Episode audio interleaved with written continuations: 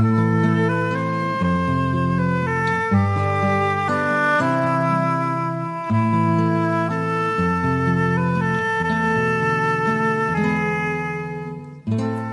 by Kortom. Stories het nie altyd prinses en prinsesse in nie. En Petra Miller vertel hierdie storie so ongelooflik aangrypend dat ek gedink het dit is tyd dat ons weer daarna luister. Vanaand gaan ons luister na een van Petra se verhale wat sy noem by die Goeniebos en en ek gaan dit lees. Lekker luister.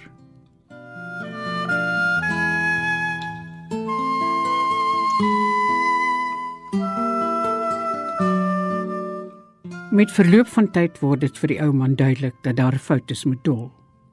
Na al die jare van saamwoon in die laahuisie, ken hy haar sit en haar opstaan soos sy eie. Die mense dink sy simpel met haar snaakse laggie en haar manier om haar kop skuins te hou. Maar sy's nie simpel nie. Sy's skelm soos haar oorlede ma. Partykeer dink hy sy loop ook saam met die maan. Hy hou haar uit die hoeke van sy oë dop terwyl sy by die vuurherd werskaf met die aandkos. 'n Groot skelm kind van hoeveel? Diep in die 30. Tog is hy nie seker nie. Maar toe hy die volgende week met die seun van Liesbeth staan en patatranke insit, sien hy dol deur die groentelandjies aankom met die 4 uur. En hy hou haar dop hoe sy loop. Toe is hy seker. Hy het mos darmal baie vroumense so sien stap. Daardie aand terwyl sy voor die hart werskaf, vra hy haar reguit en sommer van die rugkant af. "Dol, wat word jy so dik voor?" Sy ruk soos 'n bondel wasgoed wat geskit word.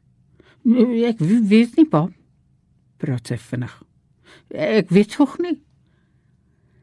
Hy ken daardie gebabbel ook val oor haar eie woorde, maar hy sê niks. Later draai sy om en sit melkkos op die tafel, maar kyk nie na hom nie. Sy's wit om haar slap mond. Hy hoor sy eie asemhaling terwyl hy eet. En hy hoor homself slurp deur sy mustaspunte. Hy voel 'n genoegdoening in hom, saam met die soetigheid van die kos, 'n soort koorsigheid. Hy was reg.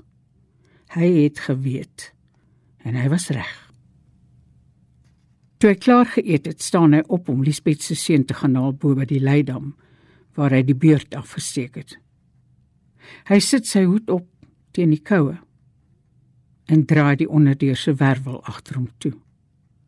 Maar hy loop nie. Sy sien hom in die vaal lig buite die deur op die helfte van hom. Dis daardie Goeniebos toe se gaan hy sê hy. Ek het dit lank al geweet. Hy stap weg in die donker, knarsend oor die gruis. En na rukkie hoor sy die houtbruggie kraak waar hy met die lantern oor die vletjie gaan. Die Goeniebos is 10 minute se stap in die ander rigting. Sy bly staan met haar hande geklem onder die voorskoot. Toe die ou man terugkom, het hy Liesbeth se seun by hom wat eers moet eet voordat hy met die motorfiets huis toe snor. Dol skep vir hom 'n tweede bord melkkos in. En die seun kyk van haar na sy oupa toe hy dit aanvat. Hy kom elke week een namiddag hier werk in die tuinerye. Maar hy is nog altyd lugtig vir die ou man wat sy oupa is. Tas sal goed aankom, sê hy. Das klimaat. Die ou man knik en druk die fyn gekerfde twak met sy duimnaal in sy pyp vas. Hulle het 6 maande patats geplant. Dit behoort net mooi Desember bekwam te wees. Hy moet net toesien dat die kind nie te veel water gee vooraf nie. Dis van te veel water lei dat tat 'n hele groen loof maak vir die wurms om te eet en weinig kos onder die grond. Toe die seun sy laaste mondvol snysel wegsluk, sê hy: "Jy moet vir jou ma sê, sy en jou pa moet môre aand hiernatoe kom." Ek wil met hulle praat. Die seun vang weer vinnig met sy oë van dol na die ou man en knik. Jou pa moet verseker saamkom. Ek het hom nodig. Pa, sê dol vinnig. Bly stil jy, sê die ou man. Jy het jou kans gehad. Dis 'n ver pad van Gert en Liesbeth hulle se plaas in die Reuns en 'n ongeleë tyd van die week. Liesbeth dag op in 'n kolletjies rok met 'n wit beffie, soos vir uitgaan. Agter haar staan Gert in die deur, 'n groot man met 'n rooi gesig, soos altyd onderdanig in sy skoonpa se huis. Liesbeth se oë blits. Die skape lam vir wat wil pa ons nou sien? Ek wil hê jy moet vir dolkamer toe vat en kyk wat met haar aangaan. Liesbeth se gesig maak eers oop en dan weer toe. Hy het te vinnig op haar afgekom. Haar onderlip bewe 'n slag toe haar mond oopval, maar neem vinnig weer sy gewone vaste vorm aan. "Ek?" vra sy. "Maak soos ek sê." Die ou man beduie met sy duim na die slaapkamer. Toe dol nie opstaan nie. Trek Liesbeth haar met 'n behendige gebaar op uit die stoel en druk haar aan slaapkamer toe, waar dol op die kant van die katel gaan sit en met eilgeluitjies begin huil. "Wat het jy aangevang?" sis Liesbeth. "Jy fool! Ek, ek niks verkeerd gedoen nie. Moenie my uh... Liesbeth se hand het dol se klere opgeruk. Hulle hande stoei in die rokstof. "Dink jy ek gaan jou iets aandoen? Hæ? Huh? Sê mal. Ek tel net jou rokke op om te kyk." Daar sit 'n boep van ten minste 4 maande onder dol se opgebolde klere. Die broeksrek span Goeie goed, prevel Lisbeth en sak in die ou wiegstoel neer. 'n Tyd lank sit die suster stil terwyl Dol se temerige gehuil minder word. Lisbeth sit met haar dik voorvinger teen haar voortande. "Waar het jy die kans gekry? Waar op aarde?" Dol skud net haar kop. Lisbeth sit en kyk na die paar stringerige grys hare wat reeds tussen Dol se donker hare uitloop kante toe weg van die reguit middelpaadjie wat dwars oor haar kop loop. Sy spring op. "Dol!" Skreeu sy met eens buite haarself. "Wie is die pa?" En sy skud haar suster wat meegee soos 'n lap op. Maar Dol sê niks en begin weer huil. Sy byt haar vinger in haar mond vas. Kwyl loop uit haar lippe en meng met trane in die bakkie onder haar lip. "Die pa! Die pa! Wie is die pa?" Toe staan die ou man in die deur. "Los haar," sê hy. "Sy sal nie sê wie die paas nie." Sy klein postuur wieg heen en weer en gooi skaduwees oor die plafon. "Bring haar kombuis toe." Langs die kombuistafel sit Gert Swart met sy groot regterhand plat op die linoleum van die tafelblad. Sy stoel is skuins gedraai, asof hy nog nie heeltemal tot sit gekom het nie. Sy postuur is te groot vir sy skoonpa se huisie. Hy lek oor sy gebarste lippe wat soms in die winterkoue 'n sug afgee. Maar daar's net faseltjies vel. Hy werk met sy tong daarteen. Lisbeth stoot verdol die kombuis in en sy skud haar hart van agter. Waar het dit vandaan gekom? Van die wind af? Maak oop jou mond. Dol maak haar mond oop, maar net om haar geklemde tande te wys. Dis lelike tande, reeds geel. Haar oë staan wild in haar gesig. Is dit een van daardie gouse? Eis Liesbeth. Here dink sy, my suster is so lelik. Wie sal ooit op haar klim behalwe die gouse? Hulle sal op enigiets. Hou op lawaai, sê die ou man. Maak die venster toe en trek die gordyn. Liesbeth hak die venster toe en trek netjies en stadig die rooi ruitgordyn tot dit dig is. Pa, sê sy toe sy omdraai. Kom ons gaan met die ding predikant toe of dokter toe. Die dokter help partykeer sulke ouerige maas het al te vol simpel kinders. Nee, sê die ou man. Effens wankelende, want hy die aand heel wat soetwyn gedrink in die waanhuis. Ek verduur nie predikante nie van ma se dood af nie ja dink Liesbeth toe die predikant bygesit het terwyl oorlede ma se familie hom ingesê het gres sê die ou man en sy tong sleep effens oor die r agter jou hang die army belt Dis nog Jan se beld. Wat dood is in die oorlog, Boet Jan. Wat sê jy, Bet? vra Gert. Hy draai sy groot kop na haar, luisterend. Sy asem jaag. Ja, jou vuilis, dink sy. Dink jy ek weet nie? Pa is die hoof van die huis, sê sy afgemete. Slaan haar, sê die ou man, dat dit oor en verbykom. Dol gryp die stoel vas voordat Gert haar met die stoel en al oplig. Toe buig die ou man haar hande oop en die stoel val skuivend oor die linoleum weg. Dol duik linksweg daarna en skreeu.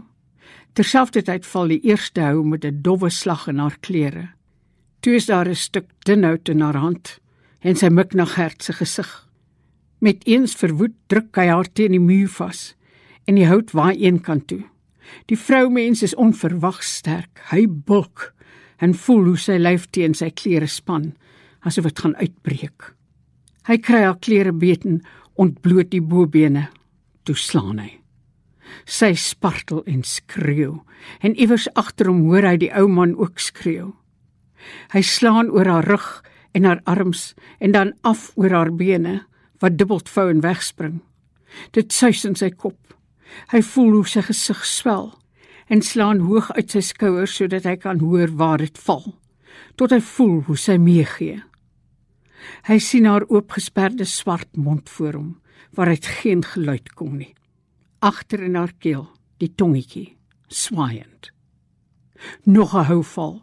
Toe voel hy iemand aan sy arm pluk. Dis Liesbet wat aan hom hang. amper slaan hy haar ook. Kry end. Toe sien net die water loop onder hy dolse rokke wat hy nog altyd half in sy hand het.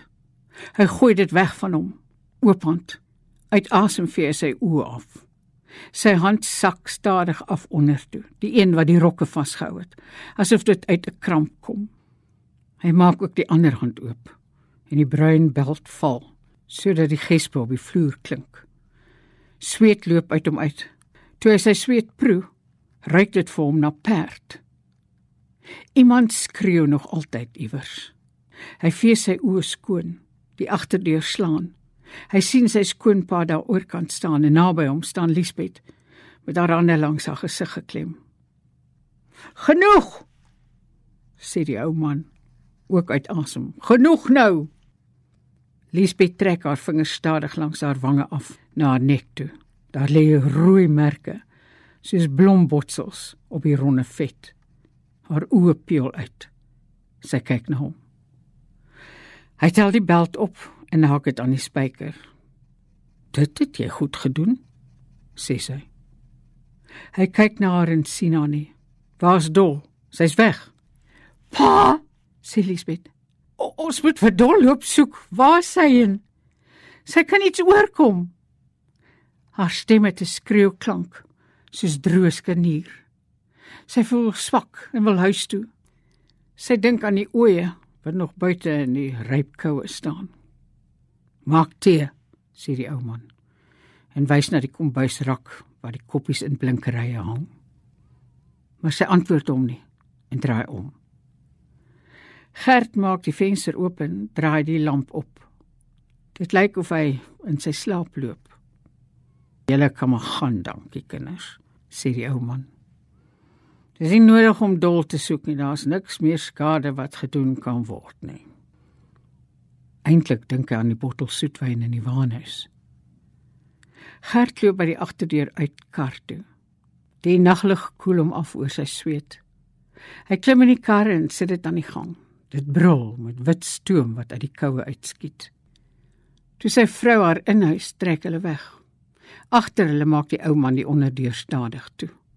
Werwel dit en laat die boodeur oop staan sodat 'n helder baan lig oor die werf val. Diep in die goeniebos lê dol en huil met haar voete in haar nat rokke ingetrek. Daar is 'n nes van matras en karton met 'n bokseil oor.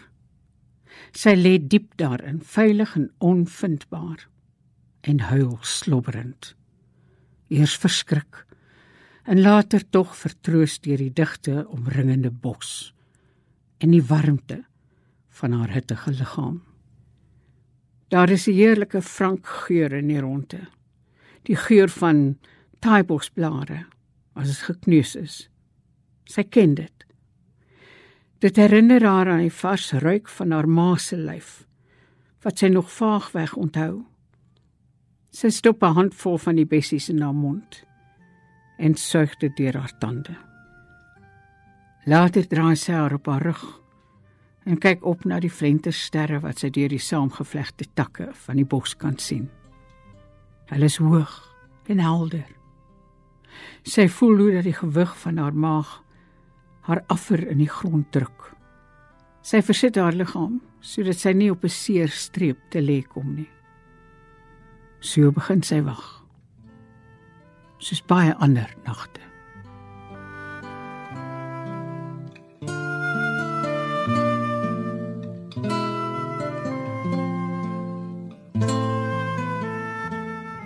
Dit was by die Goenie Bos van Petra Müller en ek het dit gevind in haar versameling in die versameling van haar werk Desembers is dit genoem en dit is byeengebring deur Rachel Greef. Dit is 'n Tafelberg publikasie. Van my Mongoluit alles van die aller aller allerbeste tot volgende keer. Mag dit met ons almal goed gaan. Totsiens.